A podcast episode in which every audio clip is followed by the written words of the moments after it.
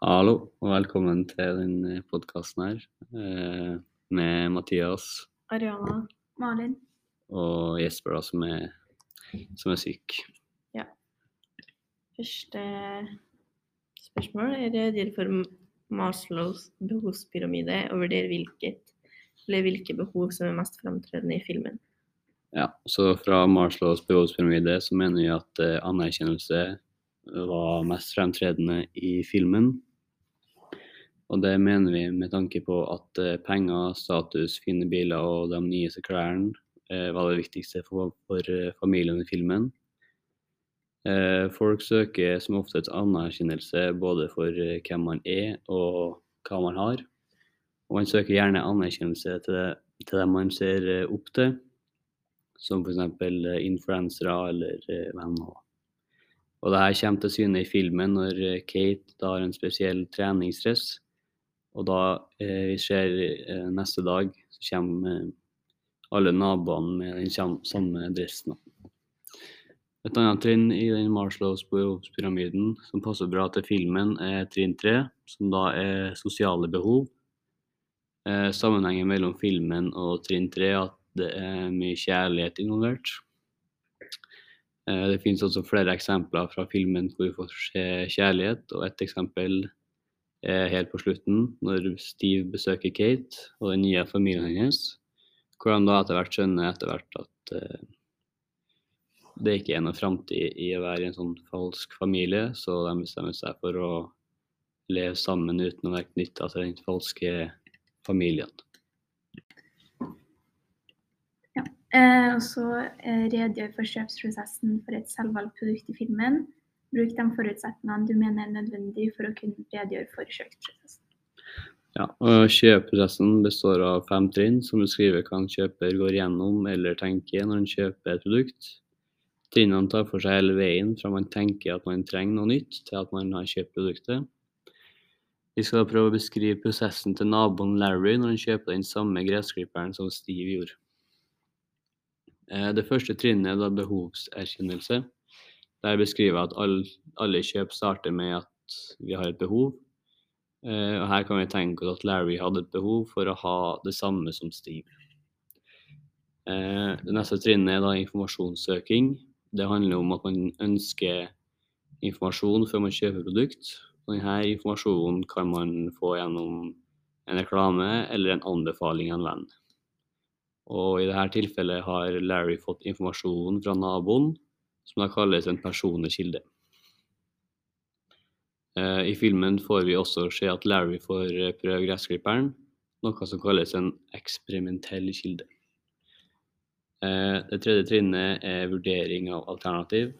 Og det her handler om hvilke alternativ man har, og hva som er fordelen og ulempene med her. Denne prosessen får vi ikke se i filmen. Det neste trinnet er kjøpsbeslutning. Og det handler om hvilke alternativ som man bestemmer seg for å kjøpe, og hvor man da kjøper produktet. Eh, Det får vi da heller ikke se i filmen. Og det siste trinnet er da evaluering, som handler om, eh, om forbrukeren er opptatt om han eh, eller hun har gjort et dårlig kjøp. Og det kan ha innvirkning på framtidige kjøp. Og i filmen så får vi, se, får vi ikke da se om Larry er fornøyd eller ikke, men i starten får vi se at Larry prøver gressklipperen, og da ser han eh, rimelig fornøyd ut. Eh, Ta for deg adopsjonsprosessen som forbrukeren går gjennom fra et nytt produkt er introdusert på markedet, til forbrukeren har akseptert eller forkasta produktet. Forklar adopsjonsprosessen med utgangspunkt i et selvvalgt eksempel fra filmen. I adopsjonsprosessen er det fem steg eh, som viser hva forbrukeren går gjennom fra et nytt produkt er introdusert på markedet, til forbrukeren har akseptert eller forkasta produktet. I filmen ser vi mora eh, i filmen som går i en Juicy Couture joggedress i nabolaget. Og hun går forbi en gruppe med kvinner som ser ut som til å være da i ca. samme aldersgruppe. Hun får da deres oppmerksomhet, som er det første steget i adopsjonsprosessen.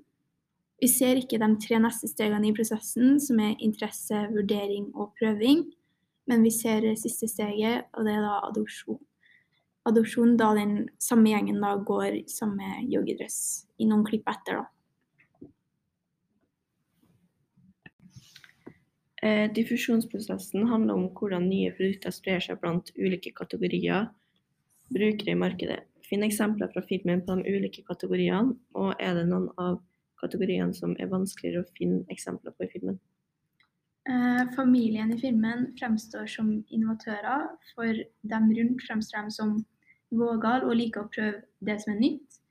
Siden de egentlig er ansatt som skal påvirke andre til å ville kjøpe produktene, så går de egentlig ikke under diffusjonsprosessen i det hele tatt.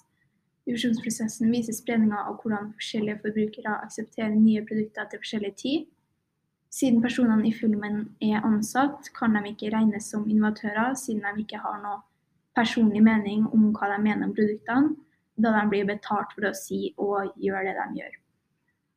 I likhet med innovatørene eh, er tidligere brukere åpne for det som er nytt, men de er tilbøyelige til å sjekke med andre innenfor den sosiale gruppa de tilhører. I filmen er naboene et eksempel på tidligere brukere, da de lar seg påvirke av innovatørene, altså familien. Når, kom, når det kommer til de sosiale gruppene, kan man tydelig se i filmen at det er at de som er i samme aldersgruppe, da, blir påvirka av hverandre. I starten av filmen bekymrer mor seg for at far ikke er dyktig nok i jobben sin, og hun tar en samtale med han 33 minutter ut i filmen. Hva handler denne samtalen om, og hva er det som gjør at salget hans etter hvert blir vesentlig bedre? Eh, samtalen starter med at humora lyver til han og sier at tallene hans har blitt bedre etter den festen de hadde. Men egentlig så har de sunket litt, og hun vil da snakke med han for at de kan snakke om hvordan han kan gjøre det bedre. For hun vil jo da selvfølgelig at han skal selge bedre. Og hun mener at han må ha mer fokus og selge bedre og slutte å ligge på latsida, da. Og hun mener også at han ikke er en spesielt god selger, bare at han har karisma, men som ikke blir tatt godt nok i bruk. Eh, han blir da litt fornærma etter samtalen og vil da vise for henne at han er en god selger, så han fikk da veldig mye motivasjon av samtalen og vil da imponere henne. Uh, så han begynte å tenke mer ut av boksen og brukte da på en måte mellomledd for å selge ting. F.eks. han ungdommen i golfkiosken som han brukte for å promotere f.eks. Under Armour, eh, og nye golf, eh, golfting. Eh, og det endte med at han gjorde det veldig bra. Han begynte å selge mye og endte med at han ble promotert da, senere i filmen.